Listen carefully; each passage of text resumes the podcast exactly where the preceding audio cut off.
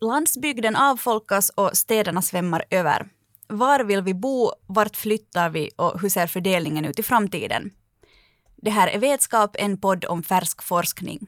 Vetskap produceras av Svenska litteratursällskapet i Finland i samarbete med Huvudstadsbladet. Och jag som leder samtalet heter Hanna Nordensvan och är journalist.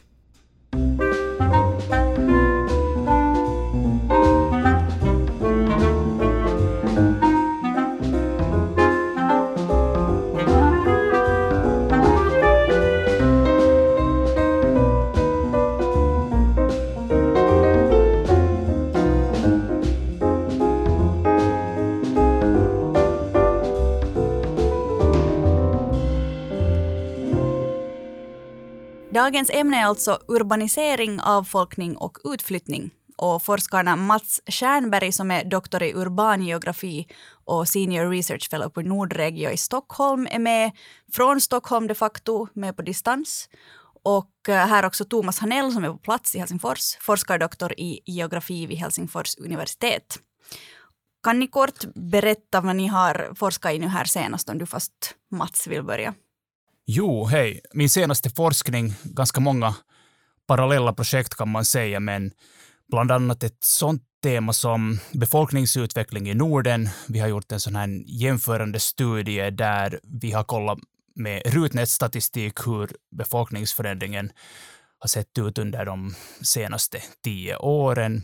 Och också i anslutning till det här temat som vi ska diskutera om idag så parallellt att liksom kolla på urbanisering och landsbygdsutveckling och, och teman som demografiska förändringar som hur det ser ut när befolkningen åldras och vad det har för konsekvenser för våra samhällen och hur, hur vi måste anpassa våra städer och planera städer för att bli allt mer åldersvänliga. Och kanske ännu för att avsluta min doktorsforskning där jag studerar 60-70-talsförorter i Finland och hur de har utvecklats över tid ur ett segregationsperspektiv. Så här var några av mina valda studier. Mm. Och de flesta av dem ska vi också prata om idag. Men först Thomas, berättar du om, om vad du senast har tittat på. Som bäst så håller jag på och forskar i, i livskvalitetsgeografi på europeisk nivå och jag är intresserad av att, att titta hur inom regionerna, hur, om de är hemskt ojämlika när det gäller subjektiv välfärd så, så, så tenderar de också att, att i allmänhet ha ett lågt medelvärde, så det hänger liksom samman det här att jämlikhet är bra för alla. Så det är nu kanske min senaste. Så har jag tittat lite på, på, på skillnaden i, i, mellan äh, västeuropeiska äh, stadsbors och, och landsbygdsbefolkningens aspirationer vad gäller liksom vissa, vissa delområden äh, i livet. Hur mycket de värderar pengar, hur mycket de värderar prestige, hur mycket de värderar sådana saker. Och, och där, där har jag kommit fram till att det finns ganska avgörande skillnader. Så att prestigenivån är liksom, och aspirationsnivån i, i storstadsregionerna är markant högre. Mm. Och, och, och, det är en orsak varför för stadsbor verkar vara olyckligare än landsbygdsbor. Okej, okay, vi, får, vi får återgå till det för att det låter väldigt intressant om, med olika, olyckliga stadsbor. Men kan vi börja med att, att svara på den här frågan som tas upp liksom i tid och otid i framförallt politiska diskussioner uh, om att landsbygden och småorter helt håller på att dö ut och avfolkas. Är det sant eller hur ser, hur ser trenden de facto ut? Den generella trenden tyder ju helt klart på att det håller på att ske en urbanisering och det på många håll så liksom i, i Norden så är ju den generella trenden då parallellt att landsbygdsorter avfolkas, men samtidigt är det nog också en liksom ganska sån här stor översimplifiering att säga att landsbygden skulle avfolkas helt. Och också bra att man också liksom inte ser på landsbygdsorter som en enhetlig kategori. Och det finns ju liksom skillnader där. Att att det då, situationen är kanske helt annan om vi talar om landsbygdsorter som ligger närmare större städer, som ändå liksom, det är möjligt för folk att pendla, att man bor på en sån här ort och jobbar i en större stad. Så situationen liksom ser ju annorlunda ut än då om man kollar på glesbygden och, och det där i norra Finland och i östra Finland. Så, så på det viset är det bra kanske att man, att man inte ser på landsbygden som en sån här enhetlig, homogen kategori. Mm. Thomas, vad säger du? Ja, jag håller med Mats här att vi måste, liksom, eh, vi måste kunna skilja på, skilja på de här. De facto så har ju, så har ju sedan 2000-talet så har ju stadsnära landsbygdens befolkning i Finland hållits på samma nivå så att det har inte hänt någonting där utan det är ju, det är ju då huvudsakligen glesbygden och sen det som vi kallar för kärnlandsbygden som, som ju då lider av, av, av avfolkning.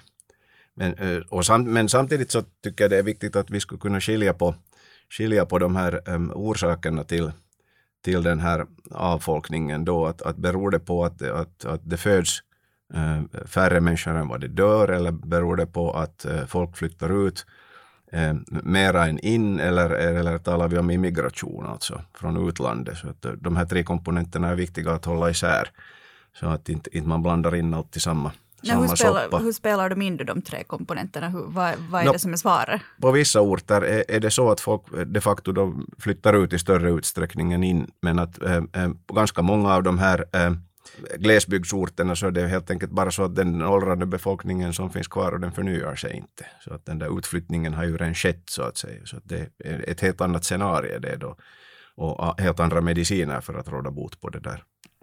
Så man kan alltså inte då prata om att, att människor på något sätt dras till städer mer än förr. Men, men det här är ju ändå någonting som vi har talat om hur länge som helst. Varför har man inte på något sätt kunnat jämna ut det här eller råda bot på det här som, som då ändå allmänt anses vara ett problem?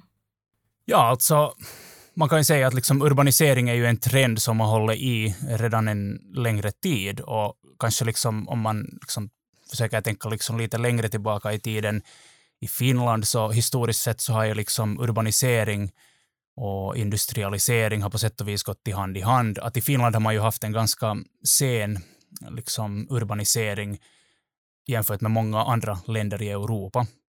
Och ännu på under tidigt 60-tal så kanske man liksom då var det ännu en väldigt stor del av den finska befolkningen som bodde på landsbygden och jobbade inom jordbruk, skogsbruk och så vidare, så, så kanske det är just att den här från tidigt 70-tal så har ju liksom då den här urbaniseringen från landsbygd till urbana områden i Finland har varit liksom, det, liksom att om urbaniseringen börjar sent i Finland så har den kanske liksom den här har varit ganska dramatisk eller det har skett ganska snabbt sen den här förändringen inom, inom en kort tid. Men liksom vad det är som drar folk till städer, så alltså många olika faktorer, men jag tänker liksom att liksom arbetsmarknaden och, och, och utbildningsmöjligheter, framförallt när man talar om yngre, yngre invånare, att liksom det är ju en central liksom, sån här fråga, att hur, för att landsbygden ska vara livskraftig så måste det ju också finnas liksom attraktion för, attraktionskrafter för liksom yngre och då liksom i, i Finland så ser det ju ganska i ett längre perspektiv så det är ju liksom universitetsstäderna som växer allra tydligast då. Och då är det då kanske den här kombinationen av utbildningsmöjligheter, arbetsmarknad, kulturutbud, service och så vidare. Det är liksom, jag tycker att det är hemskt viktigt i det, i det här sammanhanget att, att, att inte glömma bort eh, statens roll i, i hela det här exemplet med universitetsstäder är ju liksom slående för att då på, på, på 60, 70 och ännu på 80-talet så, så valde man ut vilka städer som skulle få ett universitet och då, samtidigt så, så valde man ju då vilka inte skulle få det. Och, och det här, den här mekanismen finns liksom kvar här fortfarande. Samtidigt så, så, så kan jag kanske inte riktigt hålla med eh, om, om, om eh, det här med serviceutbudet är en, en sån grej som har intresserat mig en längre tid och när man, man hör ofta att, att städerna erbjuder liksom mera service men eh, man skulle kunna fråga sig att vad är det för service som en stad erbjuder. Ofta är de här eh, landsbygds och glesbygds och småstadskommunerna har mycket bättre offentlig service än vad du får i, i de största städerna. Att, att är det nu sen bara då den där Olympiastadion och den där operan och den där teatern som, som då ska skilja de här från varandra. Eller, så jag kan inte riktigt hålla med om att, att, att servicen skulle vara så hemskt mycket eh, bättre i våra största städer, så där i, i medeltal. Och i synnerhet inte nu eh, när nästan allt, all liksom, eh, allt kan köpas på nätet precis vart som helst, så att du har ju hela världen framför dig. Så att det där, eh, jag frågasätter kanske lite det här de största stadscentrens bättre service. Eller? Men du nämnde Thomas där tidigare att, att du har tittat på hur uh, stadsbor och, och landsortsbor värderar saker olika i livet. Hänger det ihop med det här på något sätt då? No, det är möjligt, det, det, det, kan inte jag svara på, men att, men att äh, min forskning visar att, att, att stadsborna äh, värderar materiella äh, ting högre, aningen högre än, än landsbygdsbefolkningen i Västeuropa. I, i, de, liksom i, i västra, eh, de, de västliga EU-länderna. Så att det där, de, de ställer också högre mål för sig själva vad gäller liksom inkomst och prestige och allt annat. Så att, ähm, och det får de också, men att den där, det där gapet mellan vad man vill ha och, och vad man får är ändå större i stadsregionerna, vilket då delvis förklarar var, varför folk inte är riktigt lika nöjda med sina liv.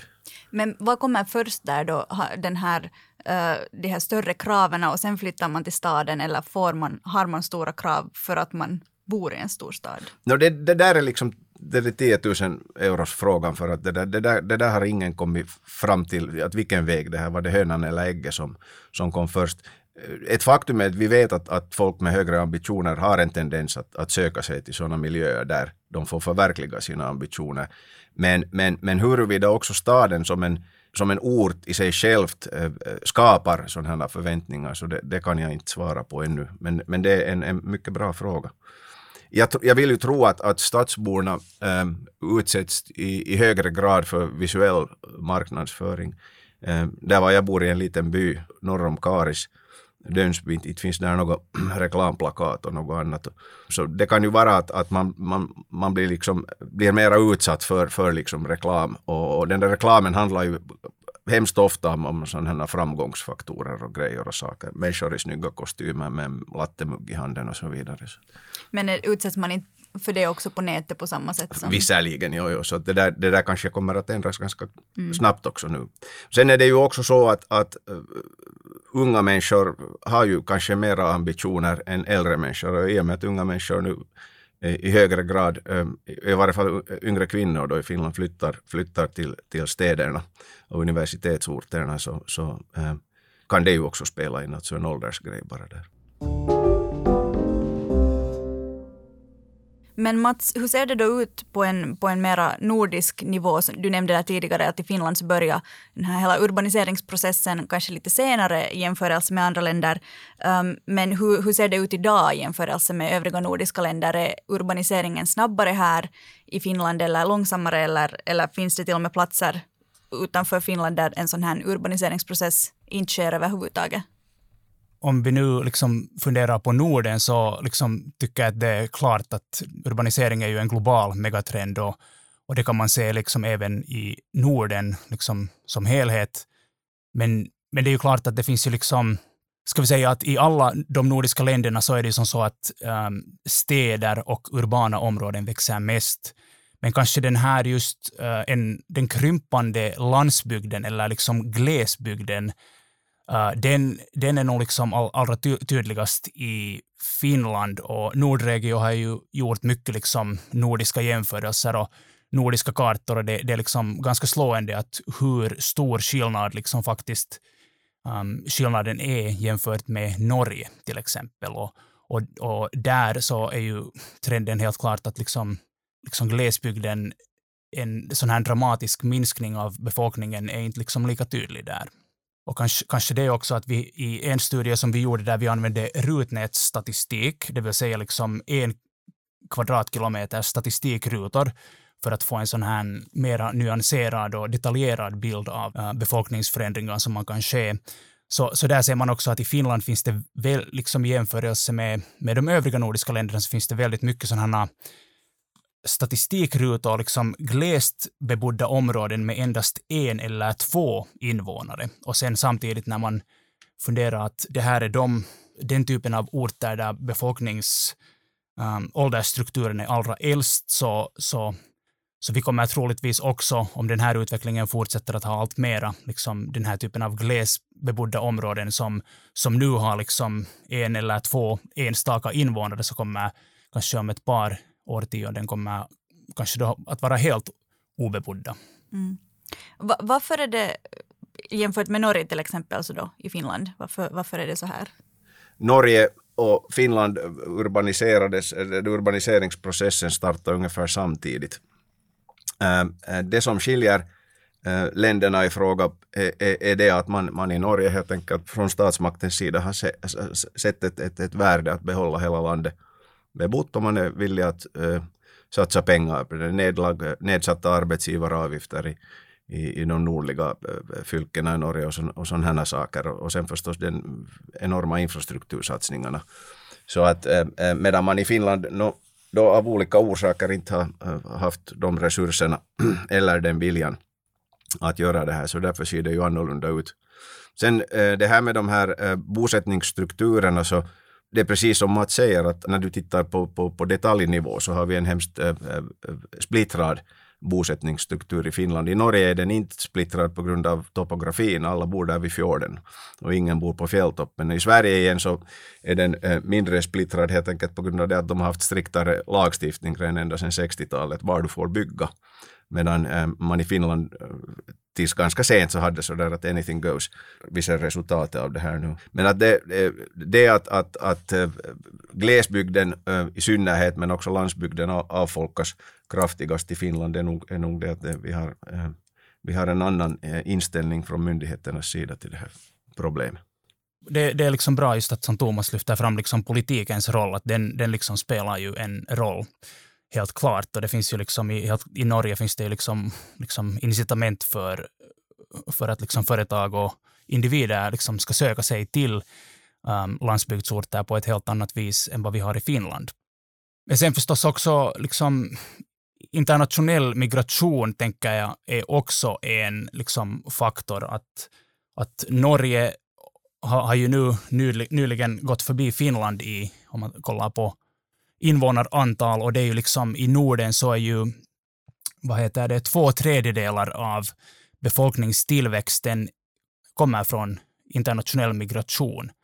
Och det är ju klart att i Norge och i Sverige till exempel, där, där befolkningen växer liksom kraftigare, så, så, så kanske det då liksom också finns en, andra, andra förutsättningar att liksom hålla, det är klart att det finns den politiska viljan men också den här kritiska massan eller liksom att befolkningen växer så det kanske skapar andra förutsättningar att, att hålla en, en, liksom, mer en livskraftig landsbygd också.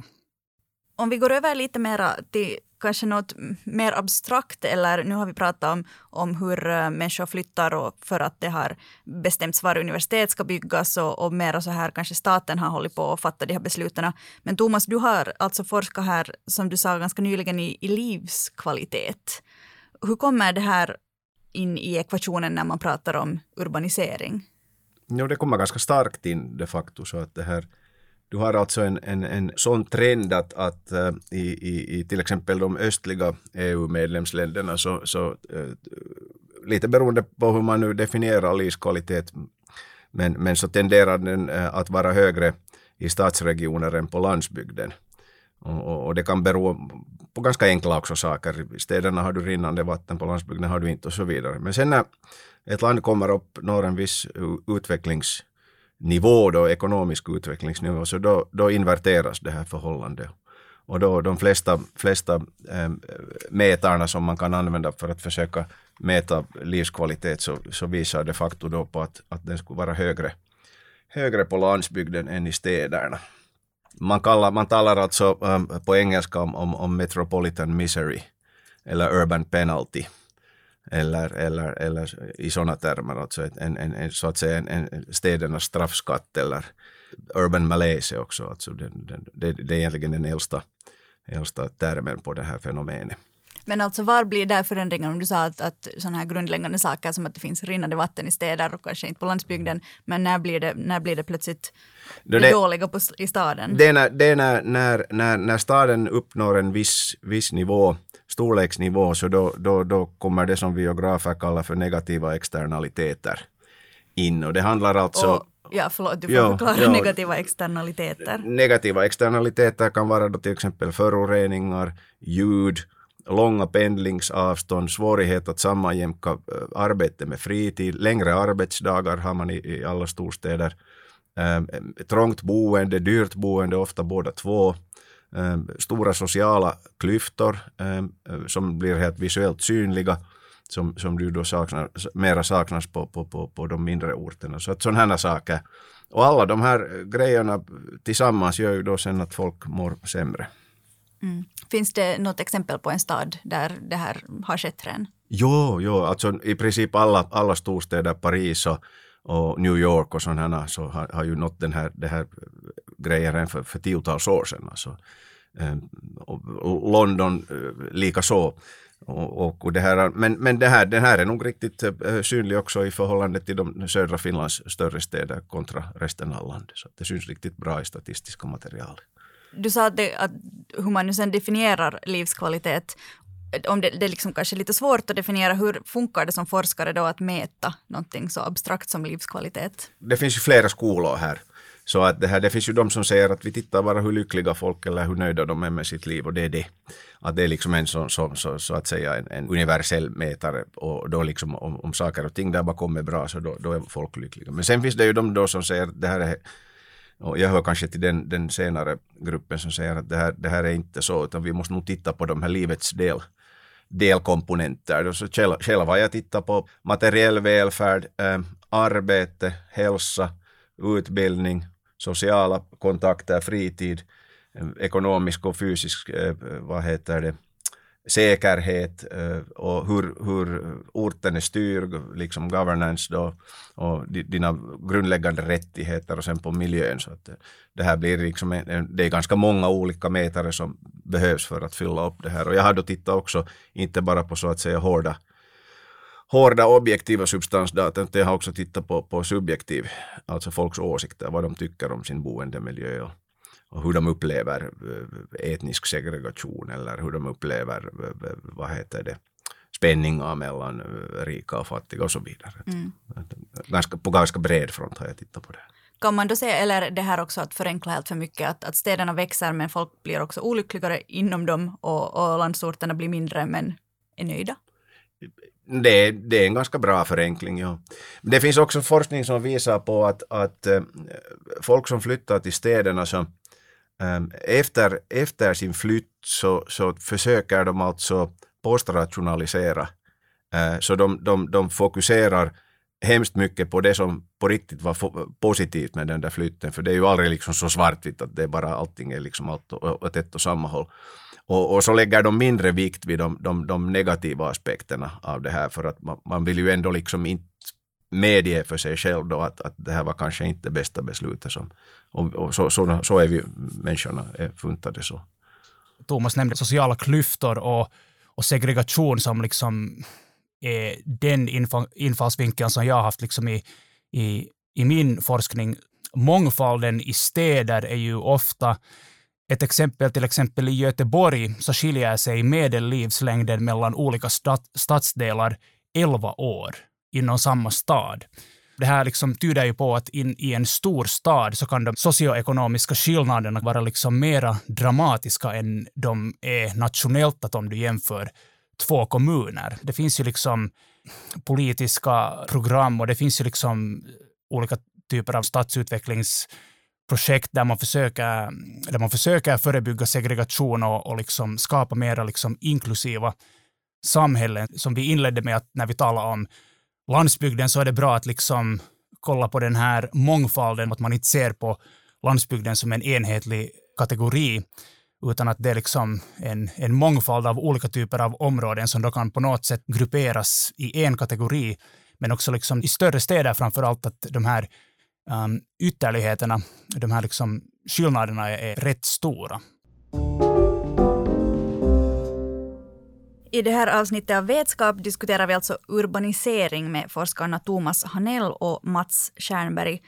Och Mats, som du nämnde redan så din doktorsavhandling handlar ju alltså om, om förorter, finska förorter, de som byggdes på 60-70-talen. Um, ehm, det kanske passar in här att, att lite förklara vad egentligen en förort är, för det kommer också ofta upp i de här diskussionerna och jag tror människor har ganska mycket antagningar om dels vad de är och, och vad som sker inom dem.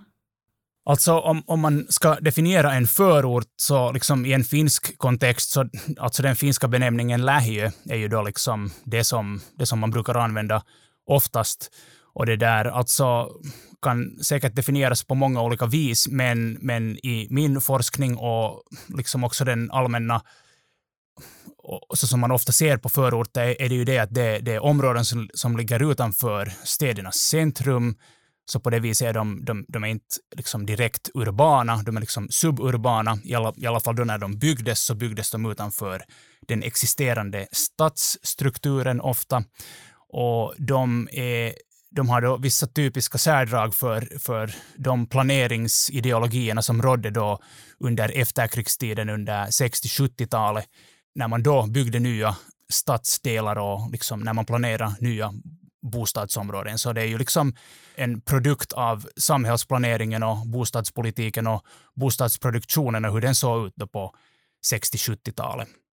Ofta är det liksom då, när, när man talar om lähiö, förorter, så är det ju fler bostadshus som man tänker på, som ofta är byggda med elementteknik och, och det här är liksom områden som är planerade som, som som helheter, att det är enhetliga områden. Och ofta så, förutom då den här liksom fysiska miljön och den här, det här geografiska läget, att var de ligger, så har de ju ofta liksom det här är kanske också en symbolisk kategori kan man säga på sätt och vis. Alltså ofta så är det vissa typer av associa associationer som man förknippar med de här typen av områden. Och, och det uppstod ju redan under slutet av 70-talet en ganska sån här kraftig kritik mot den här typen av områden och hur de planerades. Och, och, och, man kan säga att i Finland, men också på övriga håll i Europa, så har man liksom ganska tidigt redan efter, liksom, efter det att de här områdena byggdes så har man haft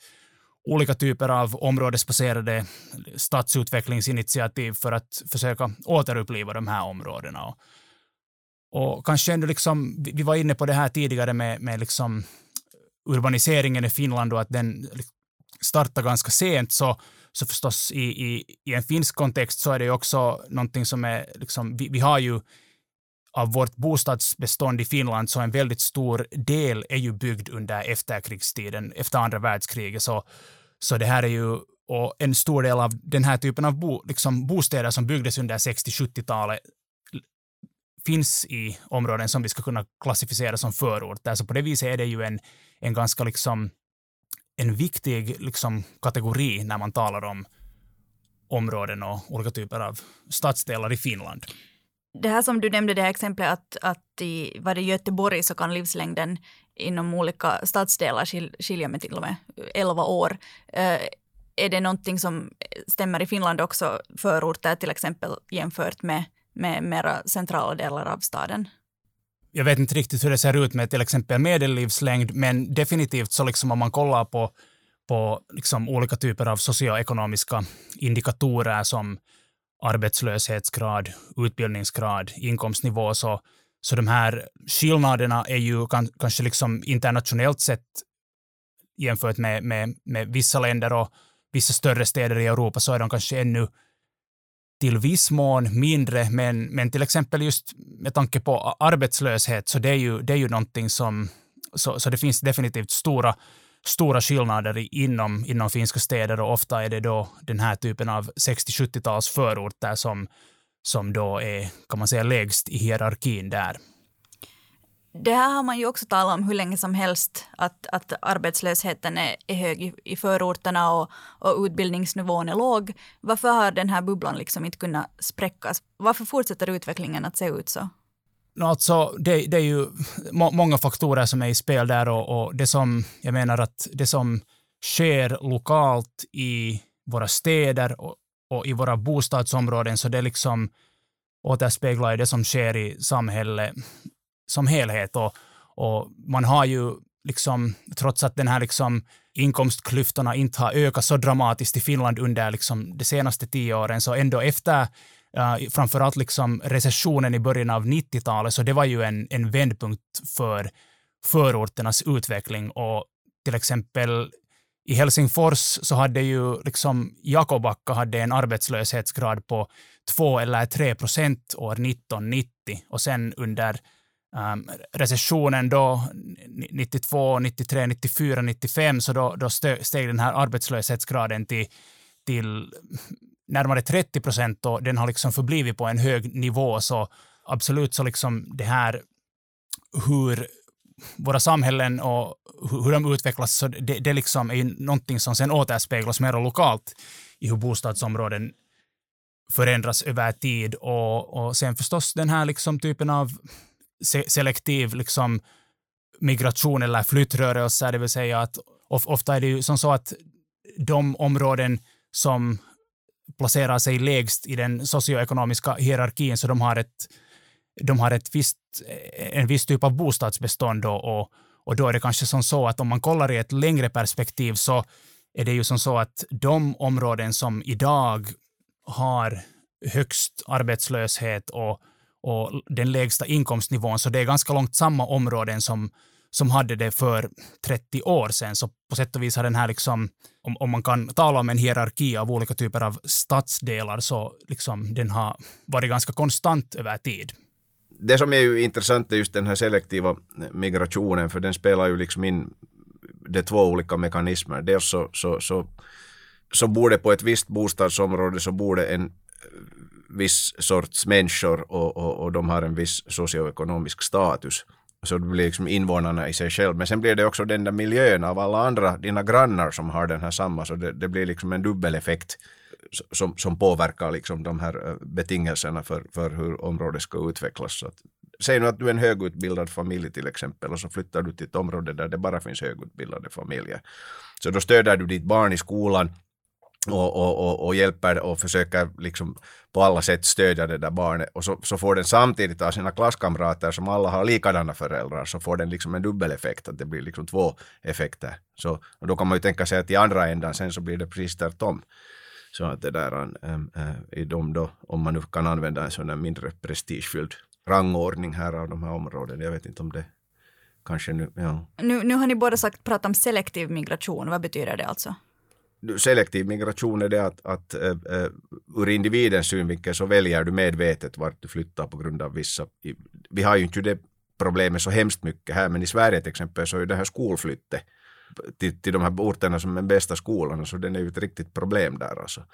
Så att det här, så, så det och sen ähm, precis som Mats sa, att ett visst sorts bostadsbestånd stöder också en viss sorts liksom, ähm, boende. Säg nu till exempel att du har en en, en, vissa av de här förorterna i östra Helsingfors så, så där finns eh, höghusboende eh, med, med, stora lägenheter. Och då är det stora invandrarfamiljer som det är i princip enda möjligheten för dem att bo där. Och så, och så, så, så, så, så, så det är liksom båda vägarna går det. Mår alltså områden, kan man säga att områden mår bra av att vara heterogena eller, eller homogena? För att ni har pratat nu om att, att människor som har så att säga likadan socioekonomisk status dras till vissa områden. Är det en bra sak, är det en dålig sak? Jag tror att på sätt och vis så är det ju som så, kanske liksom det är liksom utopistiskt och omöjligt att alla områden skulle vara liksom heterogena och det, det är liksom kanske inte nödvändigtvis ett självändamål som sådant. Men jag tänker att om, och ofta så liksom anser vi att segregerade städer är någonting oönskvärt, så, så ur det här perspektivet så är, är det kanske mer det här att, att ha en koncentration av liksom socioekonomiskt svaga grupper som bor koncentrerade på vissa områden. Så, så det är liksom kanske då det här problemet och, och liksom att en koncentration av fattigdom är, är liksom kanske då mer problematiskt ur många perspektiv. Och, och man talar ju liksom om, om liksom grannskapseffekter, det vill säga att, att om du bor på, i ett fattigare område så då är högst antagligen skolan är sämre där, så, så liksom de barnen som går i, i liksom socioekonomiskt utsatta områden i, i skolor där, så de kommer att kanske då ha sämre framtidsprognoser och, och kanske ur ett sånt här, det, det är ju liksom förstås en, också en sån här politisk fråga och liksom att hurdana samhällen vi vill ha, men om man tänker på den nordiska välfärdsmodellen och, och att alla ska kunna ta del liksom i samhället oavsett var man bor, så då, då är det ju liksom problematiskt, tänker jag. Ja, jag skulle kunna eh, tillägga kanske till det där att, att eh, det finns ju eh, forskning som ganska entydigt visar på att, att, att jämlika samhällen, samhällen med små ojämlikheter vinner alla, även de som har det bra. Så att, och det här gäller väl på alla geografiska skalor. Eh, Själv har jag ju då tittat, tittat på, på jämlikhet inom subjektiv livskvalitet eller välfärd. Jag har tittat på, på mental hälsa, jag har tittat på lycklighet, jag har tittat på förnöjsamhet med livet och, och, och, eh, och också då på sådana lite mer abstrakta grejer som att, att hur, hur meningsfullt man upplever att ens liv är då liksom mera eudaimonisk välfärd, livskvalitet. Och alla de här eh, visar nog på, i Europa i varje fall, i Västeuropa, att ju jämlikare det är så desto bättre eh, eh, är också sen läge för alla. Så att det finns ganska mycket forskning på den här biten också. Men i synnerhet har man ju koncentrerat sig då på, på ekonomin, att en, en, en jämnare ekonomisk fördelning eh, gynnar, gynnar alla. Så att det här, den här neoliberala synen att, att, att, att, att höga, höga skillnader i, i det där så, så att, att det skulle då skapa bättre förutsättningar för alla, så det verkar nog inte stämma i ljuset av, av empirisk forskning. Sen skulle jag vilja tillägga ännu här att, att, att, att när vi talar om den här saken så brukar vi ofta tala endast om, om, om inkomster. Och äh, därför för att de är så lätta att mäta. Skatt, skattmasen vet vad vi förtjänar. Men, men helt avgörande i den här grejen är, är ju också äh, egendom, egendomsfördelningen. Till exempel om man nu tittar på, på, på OECD-länderna så vill jag komma ihåg att Sverige har den jämnaste inkomstfördelningen i hela OECD. Och, och Storbritannien till exempel är, är, är inkomstfördelningen eh, mycket mera eh, ojämlik. Men sen när du tittar på egendom så har Sverige eh, egendomsfördelningen är på samma nivå som i USA, alltså extremt ojämlik jämfört med till exempel Storbritannien som är mycket jämnare. Så att det här eh, det är delvis, delvis är det ju det att vi har lite svårt att, att greppa det här med, med, med egendom, men att Ehm, men, men delvis är det nog också ett, ett politiskt val att fokusera bara på de här inkomsterna för att det, ger en rosigare bild av jäm, jämlikheten. Och då när man tittar, man tänker då på egendom så, så, så, så, bör man då också komma ihåg det här som Mats var inne på, det här med socialt kapital, för det är också en egendom. Och, och ehm, också där så, så, så visar det att jämlikhet gynnar alla. Va, vad menas mer än socialt kapital då med, med det här med egendom? Menas det liksom vad man... Fysisk egendom. Liksom äga sitt hus? Ja, aktier och ja, pengar på banken och aktier och sommarstuga och bilar och vad man nu sen har. Liksom, så att det, så att det, det, det är en helt annan bild av jämlikheten, mm, liksom också i ett geografiskt perspektiv om man, om man, om man endast fokuserar på, på lön, löneinkomst. Var finns Finland på den på den skalan? No, vi är där ganska, vi, vi är alla lite lika fattiga så det är på det viset ganska bra. ja.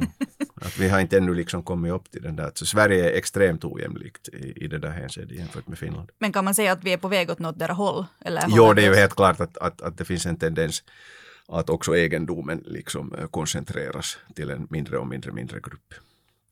Men vi har en lång väg kvar där, lika, lika lång väg som vi har att vi, vi, vi är liksom i den geografiska ojämlikheten med till exempel säg nu Frankrikes största städer eller så. Det här med, liksom, Thomas var inne på det här med liksom, vad man kan mäta. Och det, det är ju liksom väldigt intressant för det är ju liksom i synnerhet liksom när man talar om att det, det är ju liksom mycket sånt som man kan mäta på, på nationell nivå, liksom till exempel just med egendomsfördelning och så här. Men sen blir det klurigare att om man vill bryta det ner på en mer sån här detaljerad nivå så vet inte riktigt det, det, det, för liksom, forskare är mycket svårare att få liksom, tillgång till den här typen av andra indikatorer, indikatorer än de här standard um, inkomst, sysselsättning, um, utbildningsgrad och så, och så vidare. För att mäta, för att då liksom få en, en annan uppfattning av liksom välfärd och hur välmående i, i, och livskvalitet och de här som Thomas var inne på. Så det, men det, det, det, är bra liksom att, liksom en bra reflektion det här att om, om du kollar på en indikator så kan det visa ett fenomen ur ett visst perspektiv, men sen om du kollar liksom det här, liksom just skillnaden mellan hur det ser ut om man jämför inkomstfördelning och egendomsfördelning, så det, det, det är liksom absolut en bra, intressant liksom sån här infallsvinkel att det, det liksom säger någonting helt annat, trots att vi ändå på sätt och vis mäter samma sak. Ja, alltså Mats hade en bra poäng här också det att, att jo, det är ju helt klart att, att äh, det är mycket svårt att komma över data, men, men äh, samtidigt så det är det enda sättet att, att på något sätt i framtiden få är att, att ropa efter den här, de här uppgifterna. För att eh, jag har själv forskat mycket i, i, i det här hur, hur, hur siffror styr samhället, eller inte mycket men, men lite, lite grann. Och det visar ju sig så att, att de mätinstrument som ett samhälle tenderar att använda eh, så de löper risken att det går så att eh, det som vi mäter så blir vårt mål. Eftersom det som vi inte kan mäta så glöms liksom bort i den här politikprioriteringen. Jag har sagt någon gång skämtsamt att, att Finlands eh, mäktigaste beslutsfattare är sysselsättningsgraden. Kan du förklara det skämtet? Det, det, är för att, för att det, ja, oberoende vem som sitter i regering och i riksdag så det är det enda som folk säger, vi måste få upp sysselsättningsgraden för att hålla statskassan i balans och så vidare. Så, och, och, och det här är ju liksom um, på ett sätt säkert sant men det är också liksom absurt för att och, och, men, men det kommer sig bara att det, det är en så enkel och, och, och, det är precis samma som med, med bruttonationalprodukten, den har blivit ett mål i sig självt och det var det ju aldrig meningen att det skulle bli, det var ju bara en, en, en, en kolumn i en, en, en, en bok, äh, statistikbok och, och det här. Äh, äh, men det har liksom blivit ett, ett självändamål i det här så att vi, vi har mycket sån här. Och då är, då är ju enda sättet att liksom komma bort från det här och börja liksom och, och, och mäta det som är på riktigt är, relevant för ett samhälle och om inte det finns så då ska man bara ropa efter den och förr eller senare så kommer det. Om vi förflyttar oss lite tillbaka där till landsbygden som vi pratade om här i början. För att nu i och med coronapandemin så ser det ju ut som att de här siffrorna som ändå har visat att, att trenden är att, att människor flyttar allt mer från landsbygden till städer, att den har börjat vända lite. Corona har ökat på flytten från stad till landsbygden enligt Statistikcentralen. Uh, och, och, det har funnits statistik tidigare som har visat på att många nog skulle vilja flytta ut till landsbygden men inte har kunnat av olika orsaker. Men har coronan nu varit en tillräckligt stark drivkraft för att man kan säga att, att den här flytttrenden förändras? Mats? Ja, jag tror att vi får ju se hur, hur det kommer att hur utvecklingen kommer att fortsätta och det, det liksom, jag tror att det är nu ingen, ingen som med säkerhet kan liksom konstatera att, att hur det kommer att se ut om om ett år, fem år, tio år och så vidare.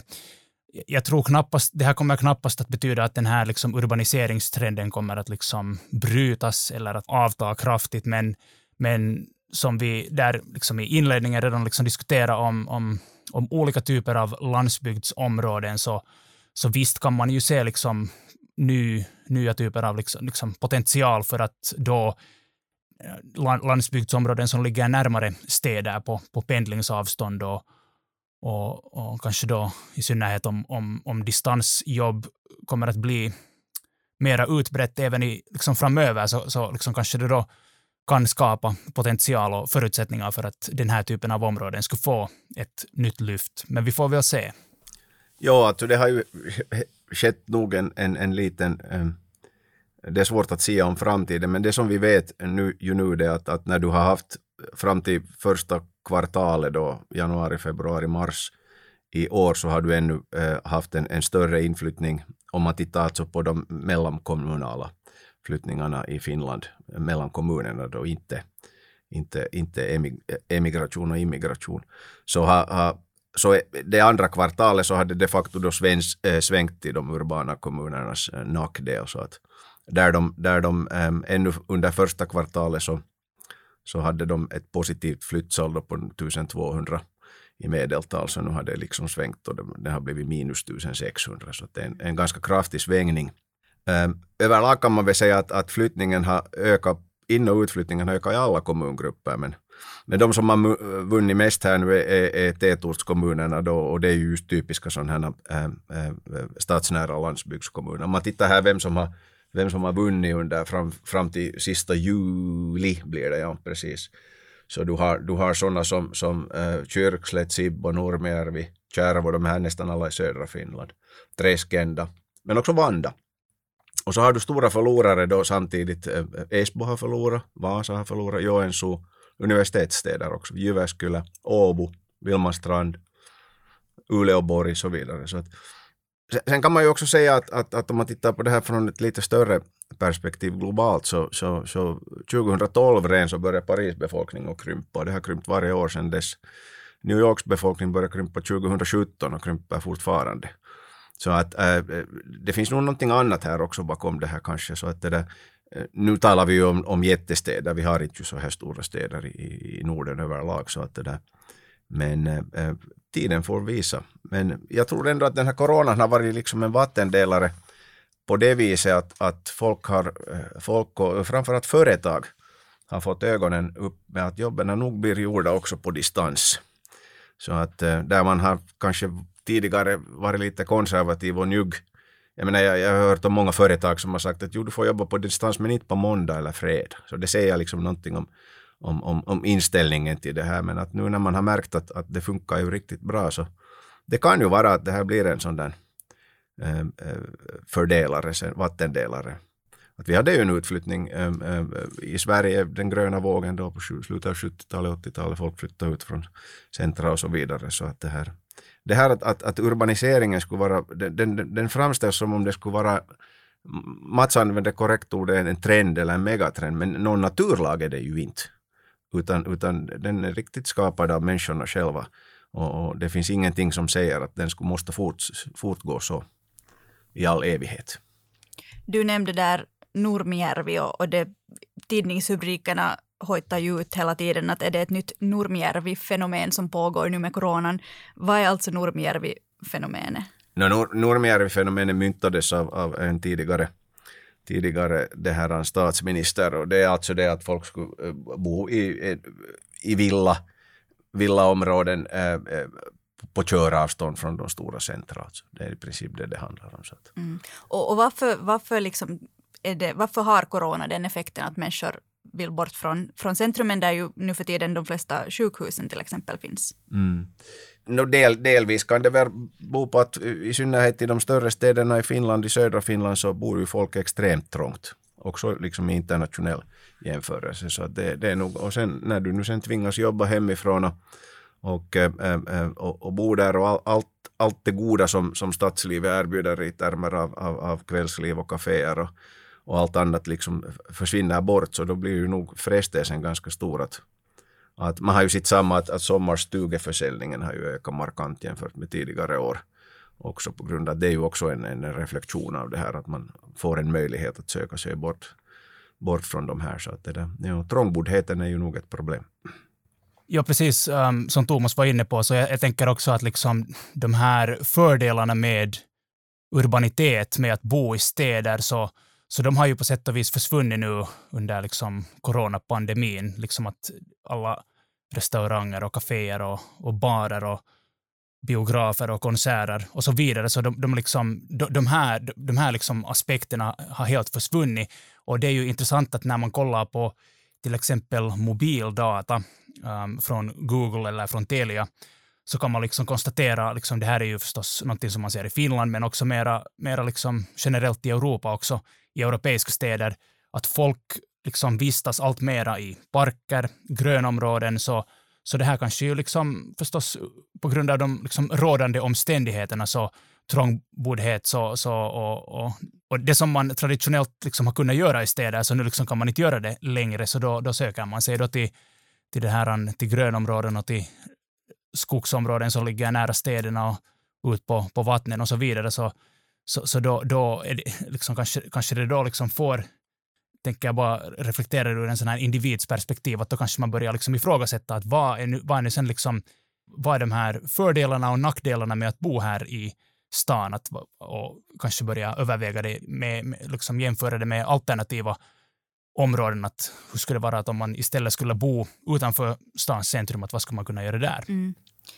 Nu har ni båda också påpeka att, att få se hur det blir och i och med corona, man vet inte eh, vad framtiden för med sig. Men jag tänker nu ändå be er lite spekulera om, om framtiden lite längre in eh, med allt, all den här forskningen ni ändå har i, i bagage.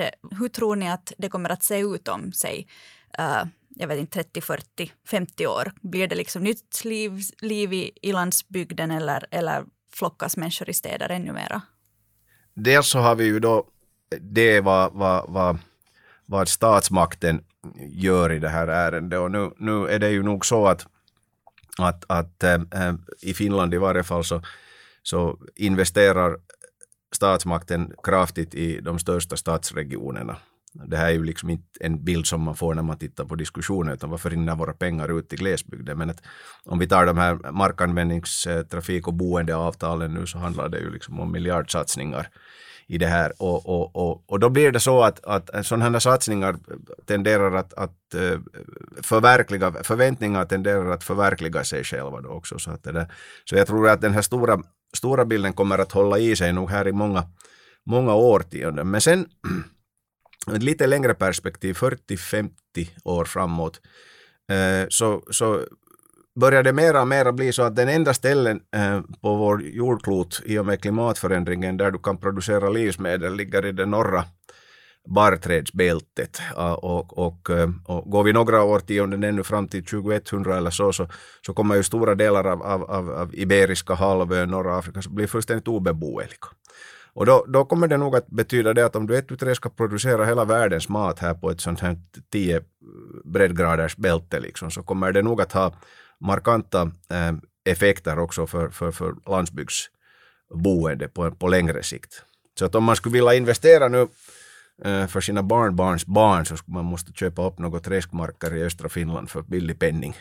Och de skulle vara guld värda om, om 60 eller 70 år. Så, att, så jag, tror ju, jag, jag, tror ju nog att, att, att inte, inte har det här liksom um, tåget gått ännu för det här så att vi, vi, vi, vi kommer inte att det kommer inte att se ut så som i Finland, som i, att alla bor liksom i Hongkong på ett och samma ställe ovanpå varandra. Det, det Livsmedelsproduktionen är ju en, en viktig faktor här, så den kan inte man kan tala om urban eh, trädgårdsodling och allt sånt där, men det är liksom småpotatis när det gäller på riktigt att producera mat åt hela världen. Så att vi, vi var ju liksom lite inne på det här med, med liksom distansjobb och man, man talar ju om ett sånt här um, begrepp som multilokalitet, det vill säga att nu tänker jag inte nödvändigtvis liksom med en riktigt lika lång tidshorisont som Thomas just hade, men, men under de kommande årtiondena kanske det finns en godare möjligheter för liksom växelverkan mellan det urbana och det rurala. Uh, det här med multilokalitet, så det innebär ju det att trots att vi en, liksom, är folkbokförda, vi har en hemadress, så ändå har ganska många har ju liksom säsongsboenden, sommarstugor och så här där man ändå vistas ganska stora, stora delar av året. Så om distansjobb blir en, liksom, den nya normen för fler professioner än vad det har varit tidigare så, så, så det kanske då skapar liksom förutsättningar för i synnerhet att landsbygdsområden som ligger nära städer ska få ska få um, liksom högre livskraft. Sommarstugor, många har det, medelklassen kanske framför allt, men hur ser det då ut för människor som bor i, i förorterna i framtiden? Är det, ser den utvecklingen annorlunda ut än för både landsbygden och, och städerna? Det, det, det, är faktiskt bra att du nämnde det där, för att samtidigt så tänker jag också liksom det här med att trots att allt fler nu, coronapandemin liksom helt klart visar att en stor del av det jobb, de jobben som vi gör så kan man göra på distans, men det finns ju ändå, ändå en hel del professioner där det inte är möjligt. Och, och framförallt då liksom de yrken som socioekonomiskt liksom svagare grupper jobbar inom, så, så, så där så liksom finns det förstås inte heller liksom på, på samma vis den, den, här möjligheten att jobba på distans, för att inte tala om att, att, att det, det, det, är inte heller nu, kanske, kanske liksom vissa har hävdat att det här med multilokalitet är också någonting elitistiskt, att liksom det, är ju, det är ju inte alla som har möjlighet att ha ett, ett andra hem, ett säsongsboende.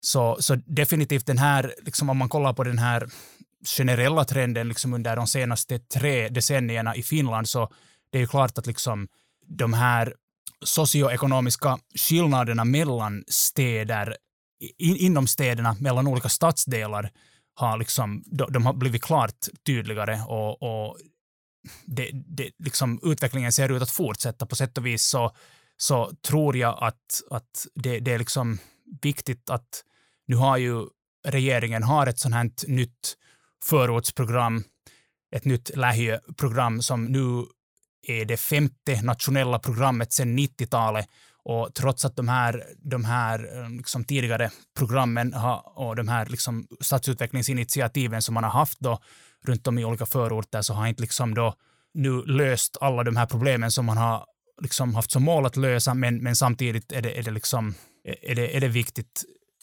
liksom ur ett sånt här, om man, så vi var inne på det här att, att, att förebygga koncentrationen av liksom socioekonomiskt svaga grupper, utsatthet på vissa områden, så det är ju någonting som är oönskvärt. Så, så på det viset är det, är det definitivt någonting som, som vi kommer att måste jobba vidare med. Ja, jag skulle kanske kunna tillägga här äh, till det vad Mats sa, att det, det, det är liksom hälsosamt att komma ihåg att, att äh, den liksom globala Eh, globaliserade ekonomin eh, som ju då eh, är en av drivkrafterna för den här urbaniseringen, så den, den samtidigt så driver den också på de här sociala skillnaderna. Just i det att du har den här högt betalda, högt utbildade innovativa tjänsteklass som, som, som gör, gör det här värdeskapande jobbet. Men de, de kräver en hel armé av, av, av vad heter det, pigor och drängar, om man nu använder en sån term, som, som, ska, som ska städa och, och tvätta åt dem och laga deras mat och bära den där maten hem. Och, och den, här, den här klassen per definition, när, när du just och just kan leva på din lön i, i en storstad med sådana här yrken så betyder ju det att de, de, de klarar nog inte av att göra sig själv multilokala på något, i, inom en, en, en rimlig framtid. Och, och, och, så, och, så, samtidigt har du ännu den här plattformsekonomin som ju gör intrång liksom lite varstans nu för tiden som ännu ännu förvärrar det här, eh, det här fenomenet. Så att det där, Vad betyder det alltså? Plattformsekonomi, nu tar nu sådana här Volt eh, till exempel, eller Uber, eller det kommer ju nu liksom, eller, eller då sen ähm, äh, liksom dess icke-plattform motsvarande då sådana här bemanningsföretag liksom inom städbranschen, inom byggbranschen och så vidare som det har pratats mycket om nu. Så att, och, och det här är ju liksom alla, alla människor som, som inte har de någon möjlighet att att, att, att liksom, eh, leva ett drägligt liv ens på den där lönen. Så att för att inte tala om då att de skulle kunna skaffa sig en sommarstuga. Så att du kommer att ha de här, de här eh, så länge som urbaniseringen ser ut så som den ser ut idag så kommer nog de här klyftorna liksom att öka. Och så har du de här som blir kvar då i städerna och inte har möjlighet att söka sig bort.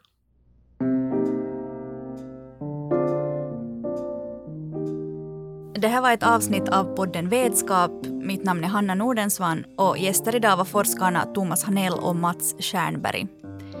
Producent för den här podden är Nina Edgren Henriksson och ansvarig redaktör är Marika McLean. För tekniken stod Tage Rönnqvist i Eva Lingon ABs studio i Helsingfors och Kristoffer Fabes på Red Means Go i Stockholm. Vetskap produceras av Svenska litteratursällskapet som är en av de stora forskningsfinansiärerna inom humaniora och samhällsvetenskaper i Finland och av Hufvudstadsbladet som är Finlands största dagstidning på svenska. Tack för din uppmärksamhet.